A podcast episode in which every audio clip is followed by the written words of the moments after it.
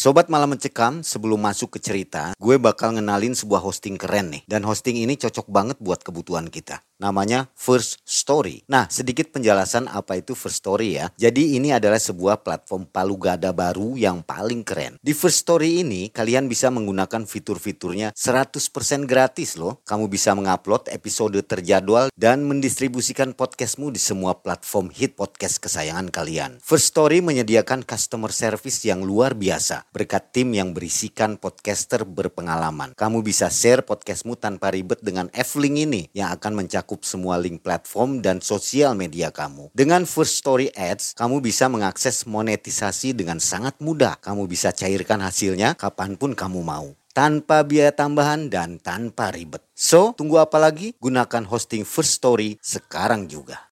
Assalamualaikum warahmatullahi wabarakatuh. Waalaikumsalam warahmatullahi wabarakatuh. Selamat malam Sobat MM, senang sekali saya Mang Ei dan tim kembali dapat menjumpai Anda di kesempatan hari ini. Ya. Dan hari ini adalah hari yang spesial untuk video kita Ya. karena kita berada di Kalimantan Timur, tepatnya di Komplek Batu Ampar ya, Ya. di kediaman Bang Reno. Ya, Nah, Bang Reno akan berkisah kepada kita hari ini tentang perjalanan kisah nyatanya ketika ekspedisi tempat Bang Reno bekerja ini mengalami gangguan antara jalur Balikpapan dan Samarinda ya betul. kembali melalui Bukit Soeharto. Soeharto. Di sinilah kejadian itu bermula di Bukit Soeharto. Lagi-lagi Bukit Soeharto ya yang penuh misteri.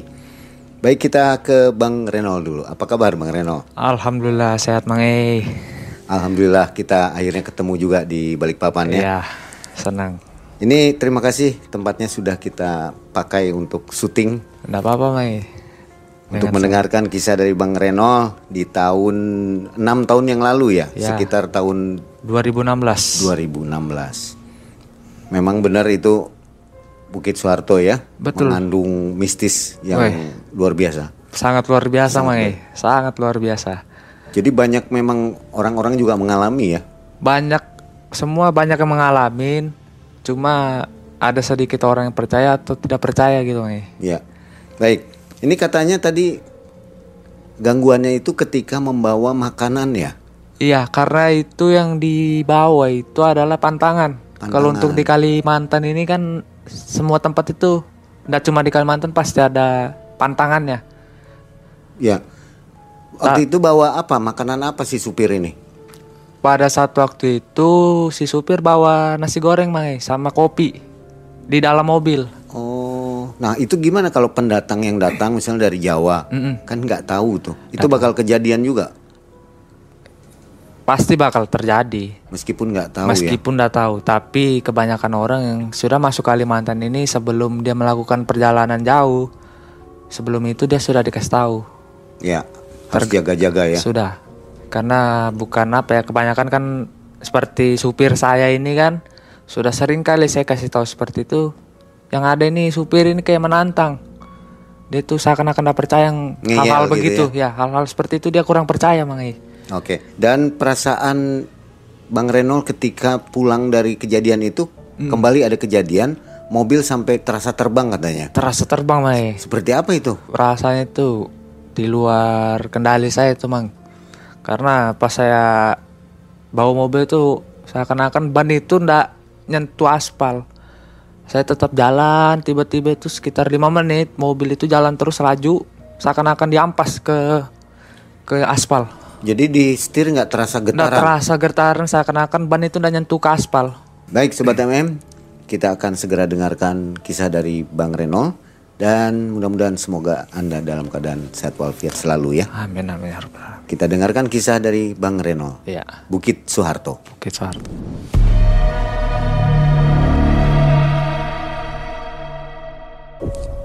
Jadi begini cerita emang eh.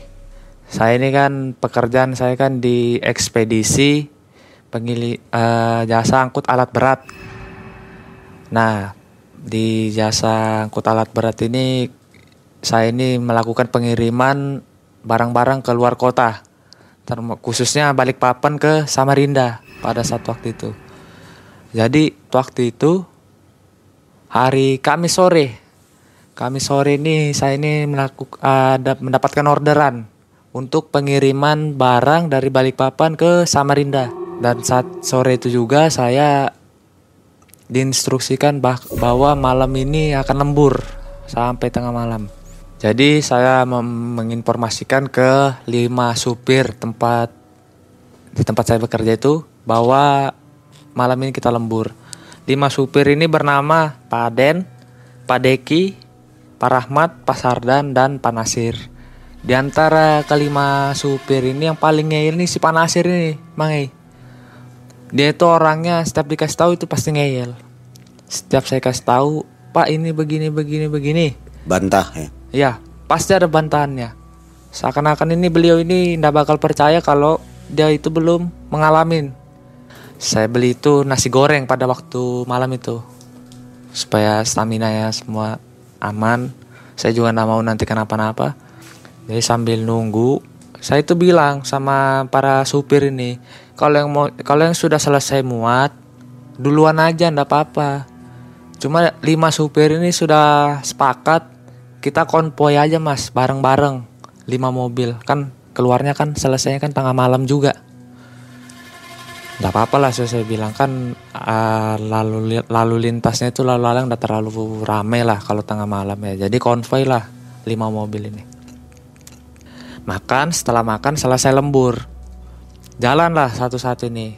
Jadi sudah selesai lembur saya pamit pulang mangi nah, sudahlah saya pamit pulang ya. Ya pokoknya kalau ada kendala apa segera lapor saya. Info aja ke saya. Pulang saya pas sudah pulang sekitaran satu jam lah sudah saya sampai rumah ini. Saya ini terasa kayak gelisah gini mang sudah di mana posisi supir-supir ini? Saya ini sekedar pengen tahu.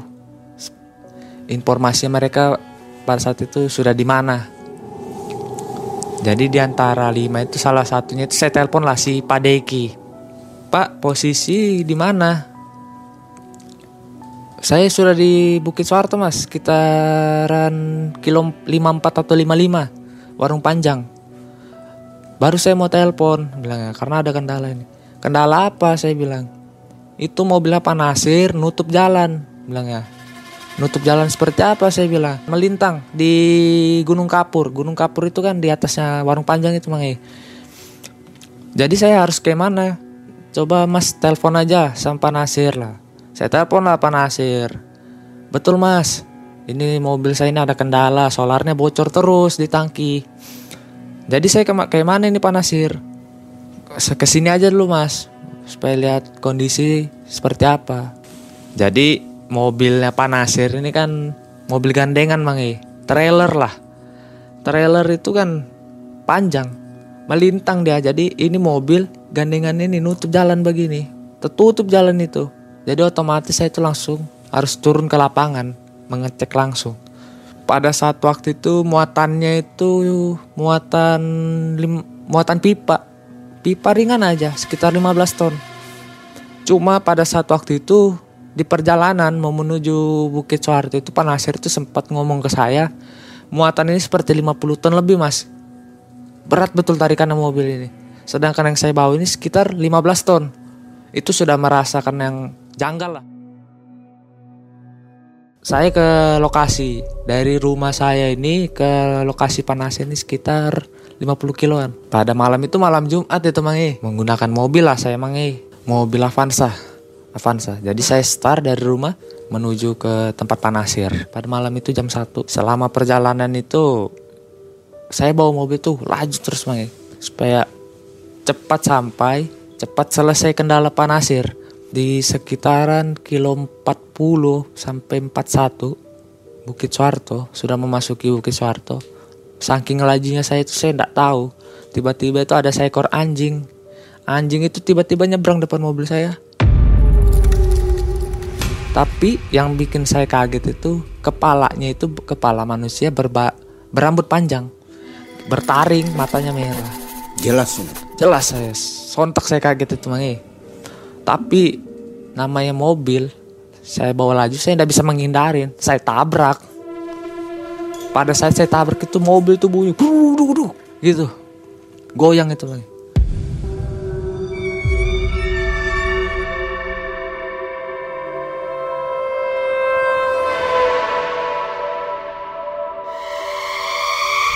Ini apa yang saya tabrak? Entah begal ke apa saya tidak fokus ke situ. Saking takutnya saya saya tetap fokus ke depan bawa mobil tuh laju. Tiba-tiba ada cahaya dari kiri kanan hutan ini seperti cahaya lampu. Saya lihat ke spion tengah ternyata itu ambulan. Entah dari mana ambulan itu tidak ada suara sirenenya ataupun atau apa pun tidak ada kedengaran. Cuma lampunya hidup. Saya saya tetap fokus. Sesekali saya lihat kaca spion tengah oh masih ada. Fokus lagi ke depan. Dua kali saya lihat itu pas ketiga kali saya lihat kaca tengah spion mobil. Ambulan itu ndak ada. Ndak ada sudah di belakang saya. Pas saya tengok ke depan ambulan itu tiba-tiba ada di depan saya. Loh. Mobil ini kapan nyelipnya saya? Masa secepat itu dari saya ngeliat ke spion tengah ke langsung ke depan tiba-tiba ada. Ah perasaan saya aja kali. Mungkin buru-buru atau apa bawa pasien. Merek mobil ambulan itu ambulan zaman dulu mah mobilnya itu mobil Mitsubishi kalau nggak salah yang panjang itu. Jadi itu beberapa kali saya mau menyelip itu mau saya dahuluin. Karena saking saya ngeburu waktu supaya juga cepat kendala panasir memasuki kilometer 50 tahu Semedang. Di situ saya selip itu. Tiba-tiba itu terasa saya pada saat waktu saya buka kaca itu terasa itu bau amis. Bau aneh-aneh tuh bang cuma tetap saya positif thinking aja berpikir yang baik. Jadi bau amis itu semakin lama semakin mendekat di hidung saya nih bang semakin tercium lebih dekat. Sontak itu saya nengok ke belakang, tiba-tiba itu ada perempuan duduk, rambut panjang, bertaring seperti yang anjing yang saya tabrak itu. Persis bentuknya sama. Saya langsung refleks saya. Saya ndak ndak terlalu lama. Saya tetap fokus. Cuma ya badan ini ya sudah bergetar begini bawa mobil mah keringat dingin apa semua. Ada Berapa lima menit ada? Sekitar sekitaran itu, Mai. Sekitaran lima menit. Jadi menghilangkan rasa takut saya ini saya merokok terus, Mai. Merokok, hilangkan rasa takut. Baunya semakin lama semakin nyengat. Udah hilang-hilang itu. Padahal nggak pakai AC. Nggak pakai AC. Jadi saya sambil merokok saya coba tengok lagi ke belakang. Sudah nggak ada, Mai. Nah, singkat cerita saya sampailah ke lokasi tempat Panasir. Cuma pada saat waktu itu Panasir itu lokasinya di atas gunung, Gunung Kapur. Saya parkir mobil di bawah, jadi saya stop. Saya tanya sama supir-supir yang lain, di mana Panasir? Saya bilang, Panasir di atas mas. Posisinya itu jadi ini di bawah tanjakan. Tanjakan itu naik Gunung Kapur tuh pas nanjak itu langsung tikungan. Nah sebelum tikungan ini mobil ini di bawah sini ini mang pada saat waktu itu kan ada PJR polisi jalan raya itu yang mengawal lima, mo lima mobil yang konvoy ini. Jadi polisi itu yang ngatur di bawah. Kalau ini ndak bisa dulu lewat sementara karena di atas ini ada mobil trouble. Jadi itu ditahan dulu sama polisi. Saya naik jalan kaki ke atas. 500 meter itu man nanjak itu. Pada saat itu saya lihatlah mobil panasir saya samperin Kendalanya di mana ini Pak Nasir? Kok bisa begini saya bilang. Jadi gini Mas, saya nanjak tanpa saya tahu ini ternyata ini mobil ini tangki bahan bakarnya bocor. Saking bocornya itu solar itu merembes keluar, keluar terus. Besar. Ya lumayan lah bang, segini. Cuma namanya solar, tumpah terus ya otomatis lama-lama habis. Pas sudah habis itu mobil saya mati. Posisi lurus, pas tanjakan. Saya tidak bisa ngindari, saya pun tetap mundur itu mobil itu bilangnya dari atas dari gunung itu mundur. Jadi otomatis saya melintang nutupin jalan. Jadi seperti apa lagi ini Pak Nasir? Dicobalah sama Pak Nasir itu buat nutup lubang yang bahan bakar tankinya ini, tankinya bahan bakar. Ditutup, diisi solar. Karena pada saat waktu itu di atas mobil tuh di belakang kap mobil, mobil trailer tuh kita setiap perjalanan jauh pasti ada stok solar. An- Cadangan. cadangan antara 2 drum sampai 3 drum. Pada saat waktu itu Panasir itu stok solar 3 drum di atas mobil. Kita cobalah mas bilangnya. Sudah saya tambal. Coba aja Panasir. Sudah di stok satu drum. Masuk tangki solar yang bocor. Mau di starter. Bocor lagi. Pertama kali. Eh. Jadi seperti apa ini Pak Nasir? Ada stok solar masih mas. Dua, dua drum. Dicoba lagi. Nutup lagi tangki solar itu yang bocor. Untuk kedua kalinya bang. Bocor lagi. Mobil belum starter itu. Dicoba-coba starter. Starter begini tuh nggak mau starter mobil. Nah hidup. Nah hidup. Saya bilang, Pak ini akinya baru kan?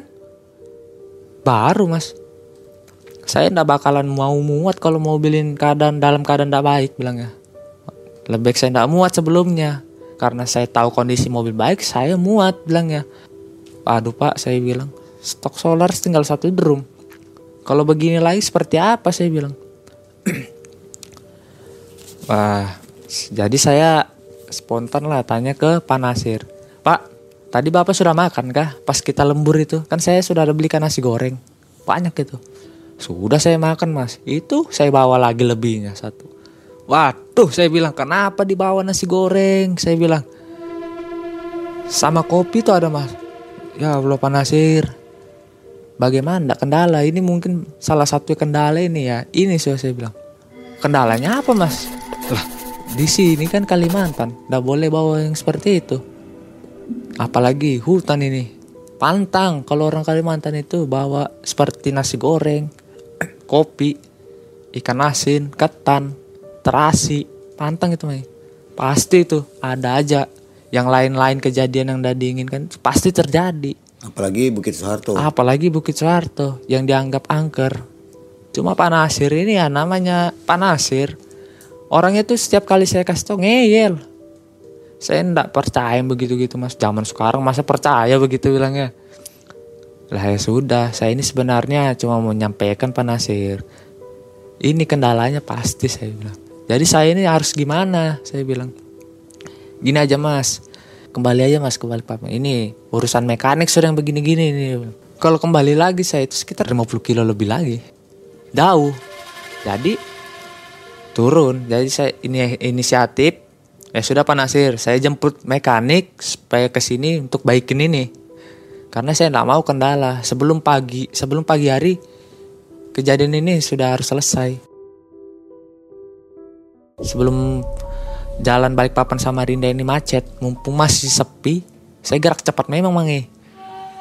Berapa meter saya tinggalkan Pak Nasir, tiba-tiba di pinggir jalan itu ada kai-kai, kakek-kakek. Kalau kita di sini itu sebutnya kai-kai ya. Saya coba sapa kai itu. Kai ngapain di sini malam-malam? Langsung dia ndak ngerespon saya, langsung dia ngucap salam. Assalamualaikum nak. Waalaikumsalam. Itu pada saat waktu saya ndak ada ndak ada perasaan apa-apa lah. Cuma saya kasihan ini kai-kai ini tengah malam di hutan ngapain. Langsung dia tanya balik ke saya mangi. Loh, kamu ngapain nak di sini tengah malam? Hmm, dai nak kai saya ini kan ada mau pengiriman barang ekspedisi dari Balikpapan ke Samarinda. Cuma di di atas ini supir saya ini ada kendala. Kendalanya apa? Solarnya bocor terus. Sudah dua kali saya coba diakalin, tetap aja tidak bisa. Itu ada yang di bawahnya itu pasti bilangnya. Kak itu langsung tiba-tiba ngomong begitu, May. ada di bawahnya itu.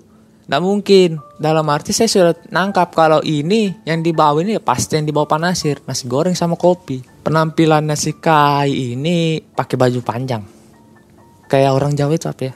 Panjang, baju hitam, besarung Kalimantan, pakai topi peci.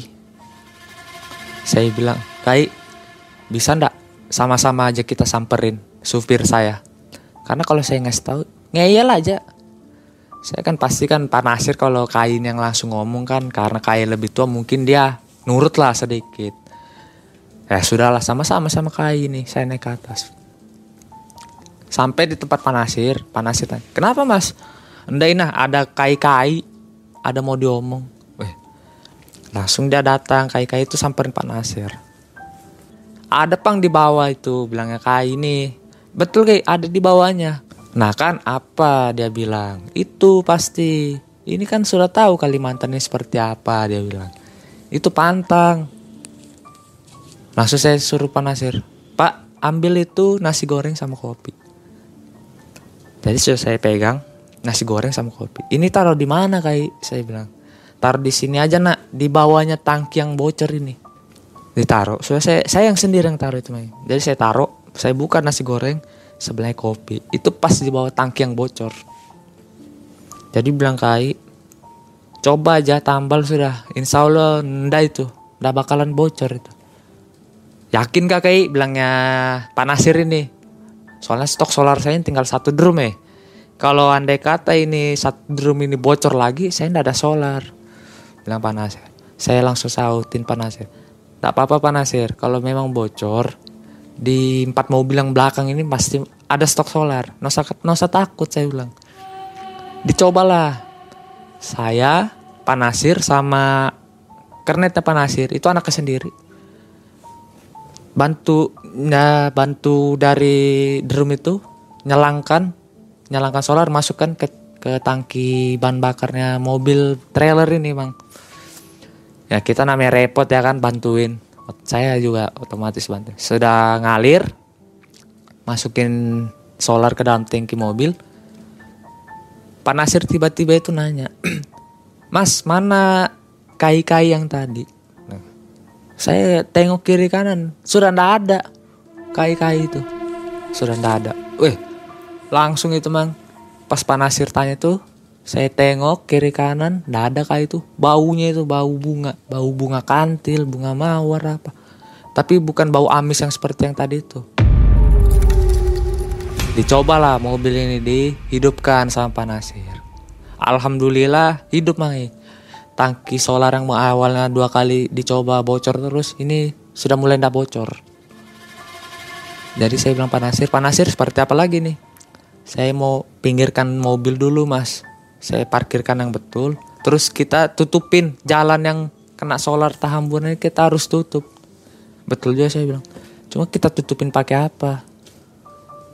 Nah selang beberapa menit datanglah mobil dari arah Samarinda turun ke Balikpapan. Mobil itu mobil dump truck. Arah berlawanan. Saya singgahilah supirnya si supir mobil dump truck ini saya tanya, Pak, ya kenapa mas? Ada kendala? Ya, saya bisa minta tolong. Bisa.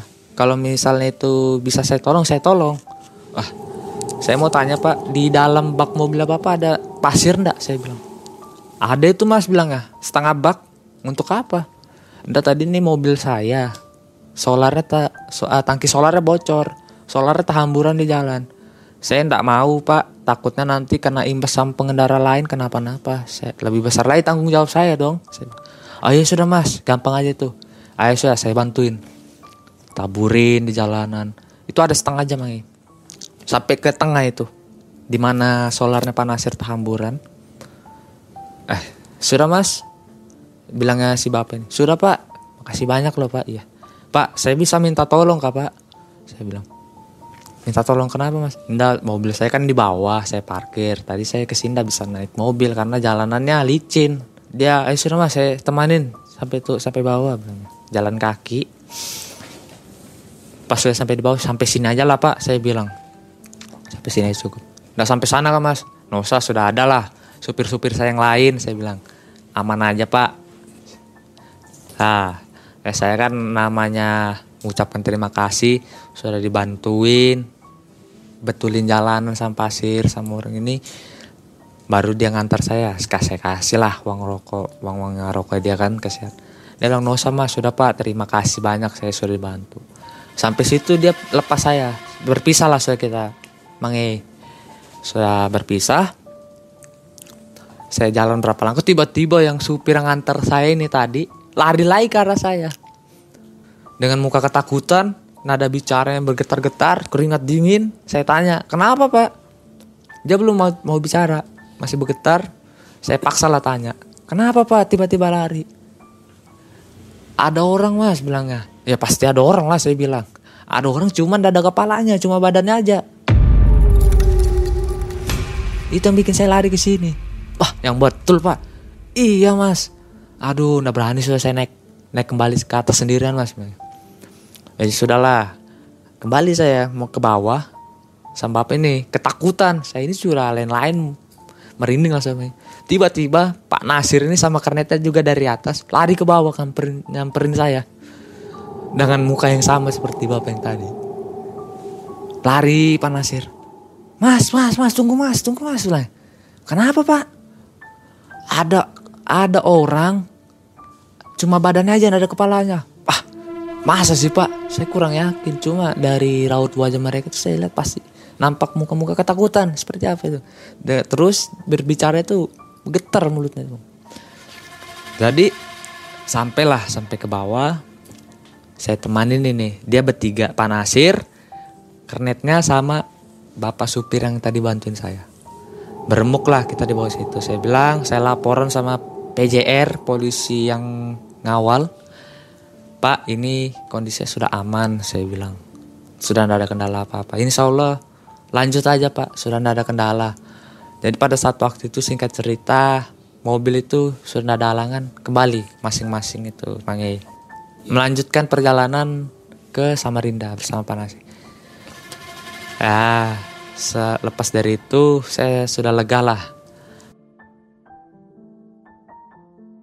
Posisi pada saat waktu itu masih di kilo 55, warung panjang. Pada saat waktu itu saya belum memutuskan untuk pulang. Saya sempat singgah untuk ngopi sekitaran jam setengah tiga. Jadi dari setengah tiga subuh itu saya duduk ngopi di warung itu. Saya lihat ngopi, ngerokok. Tiba-tiba itu mata saya itu langsung tertuju sama bumper mobil. Kok tiba-tiba pesok, saya bilang penyok penyoknya ini kok ke dalam betul, saya. Saya lihat lah, saya kelilingin penyok. Yang bikin kaget saya itu mangai ban mobil depan sebelah kiri itu ada bercak darah, darah kering. Eh, darah kah ini saya bilang. Saya langsung teringat yang pas menuju perjalanan mau samperin panas itu ada saya saya nabrak anjing yang kepala manusia langsung saya kaget di situ eh sudahlah saya nekat lah untuk pulang. Urusan pekerjaan sudah selesai. Takutnya nanti kelamaan saya nggak bisa pulang. Bismillah aja lah saya bilang nggak apa-apa. Mudah aja nggak ada apa-apa. Jadi pas menuju pulang itu laju juga saya main bawa mobil. Betul-betul laju. Saking lajunya itu saya itu marah saya ini mobil ini ban ini tidak nyentuh aspal. Seakan-akan terbang pada saat waktu itu saya cek di kilometer itu larinya mobil sekitar 100 mobil Avanza yang saya bawa? Nggak ada guncangan. Tapi saya tetap fokus. Di dalam fokus saya itu tiba-tiba itu saya kayak melamun. Tiba-tiba itu mobil langsung buak kayak tahampas kayak mobil jumping itu langsung terhampas ke tanah. Langsung saya spontan kaget karena saya terbentur kan. Eh, kenapa ini? saya bilang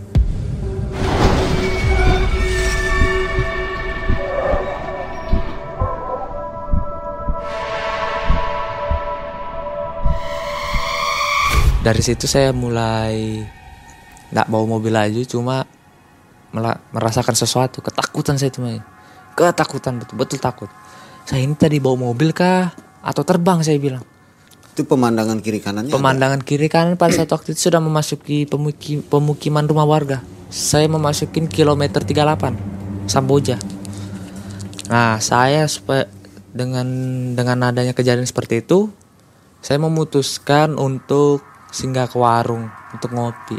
Tenangkan pikiran dulu karena kejadian yang sebelumnya yang barusan saya alami itu di luar dugaan saya. Sempat terbang sempat ber terbang mobil berapa menit? sekitar lima menitan lah.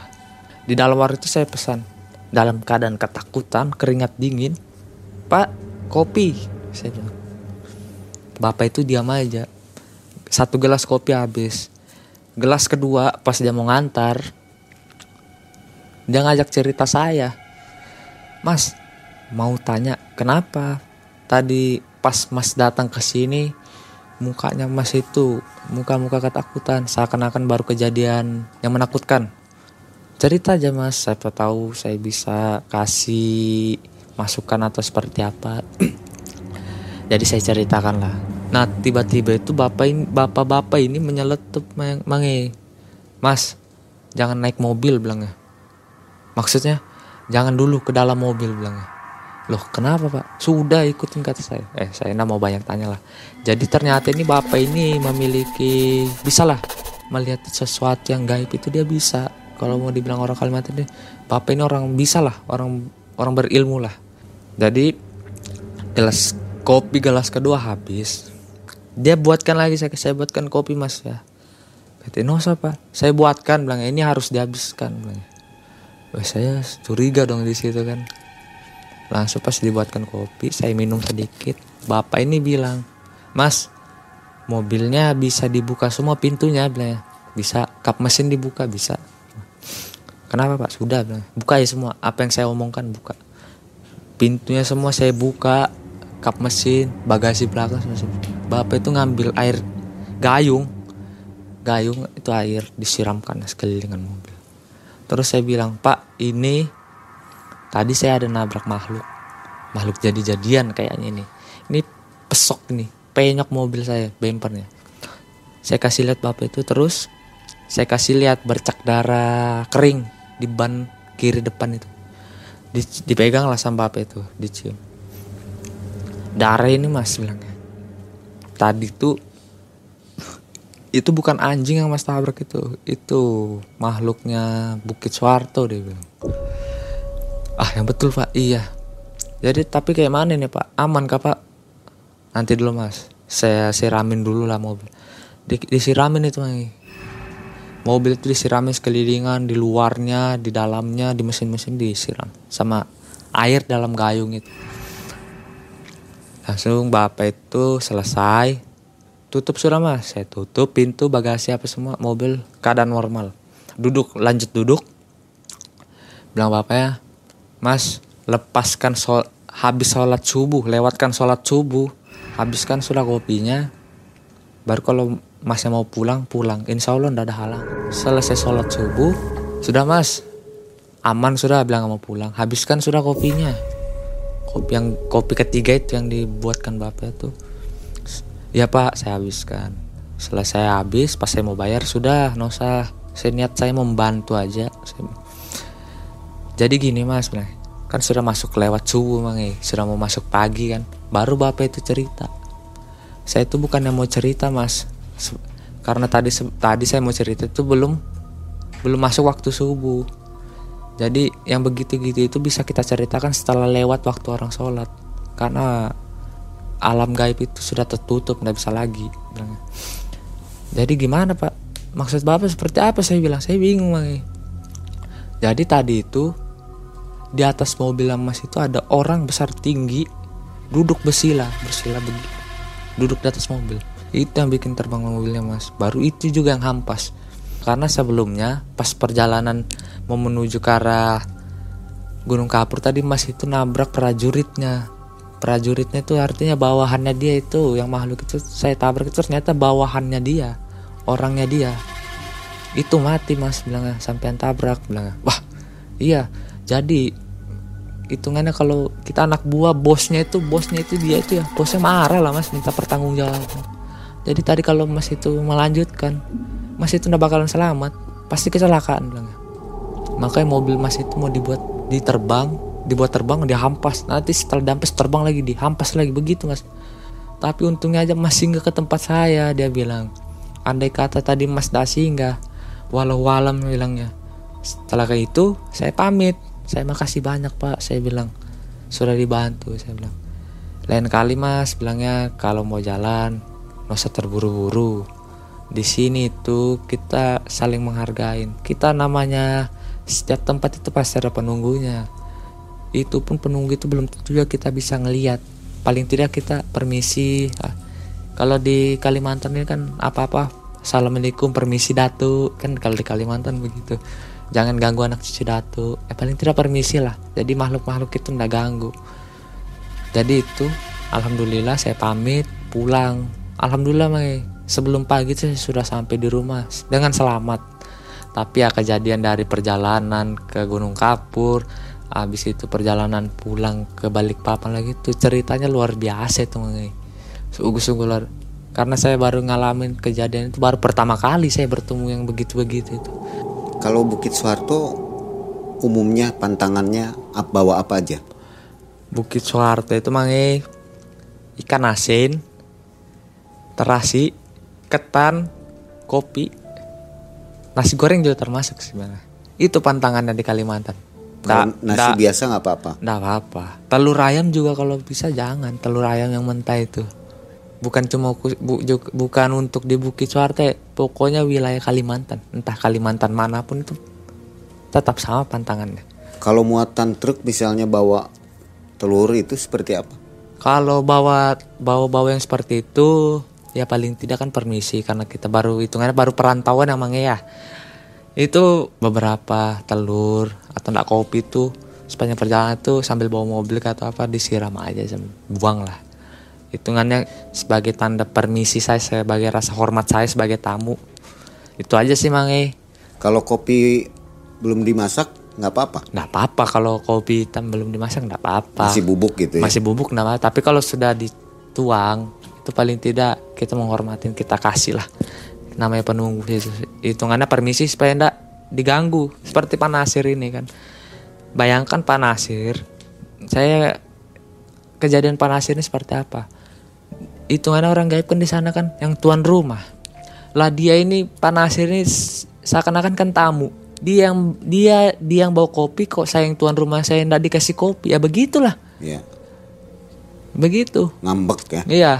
Hmm. Marah lah. Jadi oh ini orang ini harus dikerjain. Seperti itulah kalau menurut saya sih ya. Titik-titik yang menurut warga sekitar atau warga Balikpapan Samarinda Kalau- yang mana yang paling angker? yang paling angker itu memasuki kilo 38 memasuki Dari arah Balikpapan. ya.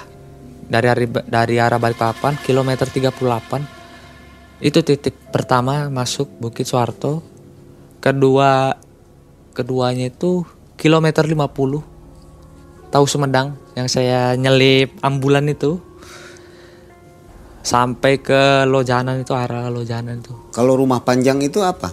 warung panjang Warung panjang. Warung Panjang itu tempat peristirahatan biasa orang yang dari Balikpapan ke Samarinda atau Samarinda ke Balikpapan sekadar untuk ngopi makan itu singgah di warung Panjang itu. Rata-rata berhentinya di situ. Rata-rata berhenti situ atau enggak di kilo 50 tahu Sumedang. Tahu. Cuma kalau kebanyakan para driver yang dari luar kan karena di situ akses jalannya luas, ada tempat parkir mobil besar, kebanyakan di warung Panjang. Memang warungnya panjang. Panjang itu makanya. Dari kil- dari kilo 54 sampai ke 55. Satu kilo panjangnya warung itu. Kalau dari arah dari arah Balikpapan itu sebelah kiri, sebelah kiri jalan. Itu buka 24 jam. 24 jam makanya. Jam. Satu pemilik ya. Dengan dengan pemilik yang berbeda-beda. Iya iya iya. Seperti kios-kios seperti Ya, itu ya. kios tapi panjangnya sekitaran satu kilo lah. Kilometer. Di situ juga titik lumayan angker. S- le- lewatkan lewat warung panjang mau naik gunung kapur itu termasuk tempat panasir itu angkar karena di tempat panasir kejadian itu ya itu pernah setahun dua tahun sebelumnya itu pernah ada kecelakaan mobil itu mobil itu kecelakaan satu mobil itu penumpangnya tewas semua masuk di jurang mobil itu Supi jurang. iya sampai sekarang itu bangke itu masih ada itu bangke Mobil apa itu? mobil Avanza kalau nggak salah Jadi mungkin eh, kejadian mobil yang meninggal semua sama dengan yang diceritakan di video Bang Fauzan ya. di Mungkin itu video juga. sebelumnya itu ya bisa jadi tuh Mungkin Bang. mobil itu juga ya? mobil itu cuma kalau untuk persisnya saya nggak tahu karena di di cerita sebelumnya kan ada membara bawa barang antik itu saya nggak tahu Ya.